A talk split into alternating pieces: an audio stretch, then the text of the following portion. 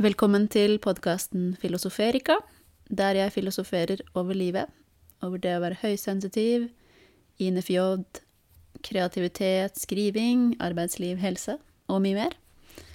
Og i dag skal jeg snakke om det å ta en pause fra sosiale medier og det å lese og medier generelt.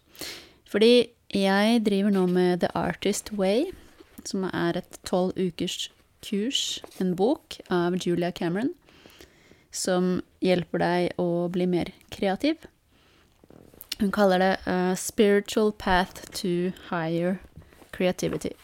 Og det som dette kurset gjør, er egentlig å hente fram ting du har glemt og gjemt, og som har blitt uh, borte i det voksne livet. Så det er masse oppgaver og ting man skal gjøre for å grave seg tilbake til det man egentlig liker å gjøre, og det man egentlig har lyst til å gjøre. Så nå er jeg på uke fire, og en av oppgavene denne uka er å ikke lese. Hun kaller det for uh, reading depri deprivation. Men det kan også Jeg tror i nyere tid så ville det heller hett noe som media deprivation, og du, du skal holde deg unna alt eh, som er medier. Og hvorfor gjør man det? Jo, fordi ofte så kan jo det å se på filmer, sosiale medier, lese Det kan jo hindre oss i å skape ting, og det kan også være en sånn slags flukt. Så når vi tar bort det, og ikke leser eller ser på noe annet en uke.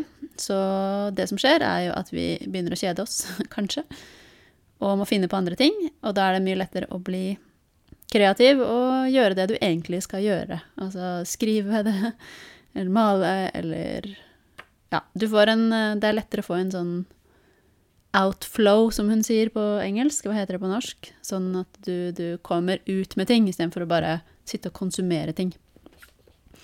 Så da ba hun meg om å sette opp en liste, eller det er en liste i boka, over det du kan gjøre istedenfor å sitte og konsumere andres ting. Og da kan jeg lese opp det her, og så kan jeg lese opp det som jeg har skrevet ned. Så det er altså å høre på musikk, å lage gardiner, vaske hunden, rydde ut av skapet, betale regninger, skrive brev eller postkort til gamle venner. Mm, repot some plants, hva heter det på norsk? Uh, ja Repotte eller finne nye potter til planter. Uh, strikke. Mm, lage mat eller bake. Fikse sykkelen. Tegne. Fikse lampene eller andre ting. Male soverommet. Reorganisere kjøkkenet. Trene, meditere. Be venner på middag. Fikse stereoen. Ja, den her er jo litt gammel, da. Men hvis man har en stereo um, Organisere bokhylla. Uh, danse. Og da har jeg skrevet min egen liste, siden det er litt mer tilpasset hvor jeg er akkurat nå, og hvordan været er, og hva som er mulig. Da har jeg skrevet 1. ringe en venn. 2. meditere. 3. gå i fjellet. 4. plukke bær. 5. dra på Biltema og kjøpe pollenfilter og andre ting jeg trenger. 6. spille inn podkast. Det er derfor jeg gjør det her nå. Syv eh, kose med hundene. Åtte. Dra på leketøysbutikken. Det er altså en av mine go to artist dates i boka The Artist Way, så hver uke så skal man også gå på en sånn kunstnerdate med seg selv, hvor man gjør noe nytt og annerledes som gir inspirasjon. Det kan være gå i teater, på kino, alene, da. Um, høre på musikk, danse, dra på et nytt sted, dra på en miniferie alene, sånne ting.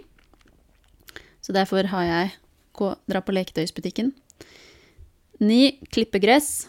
men akkurat nå regner det, så jeg vet ikke. Ti dra til veterinær. det er jo ikke så spennende, men må gjøres.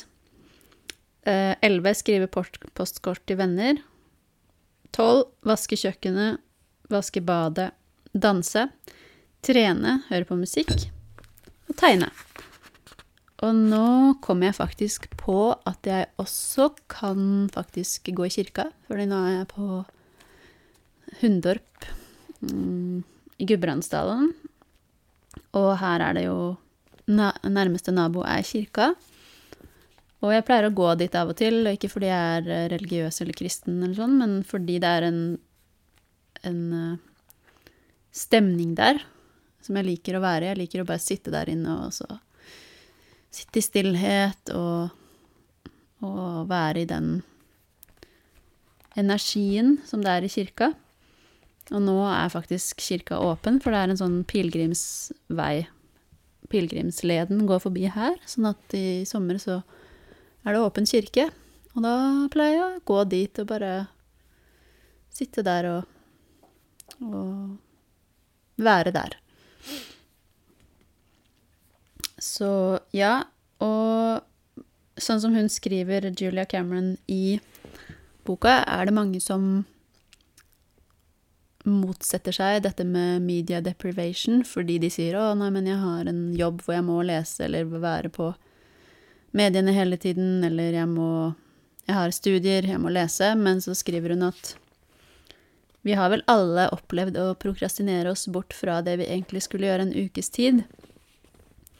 Så det er fullt mulig å gjøre dette en uke. Altså må du Du må selvfølgelig gjøre jobben din og gjøre det du skal, men det går an å redusere det. Sånn som jeg Sånn som jeg gjør det nå, er at jeg sjekker e-post og Facebook én gang om dagen. Bare for å svare på mail, sjekke om det har kommet noe jobb. Noen meldinger jeg må svare på. Men driver ikke og scroller og ser på film og leser og sånne ting. Så det er sånn som jeg gjør det.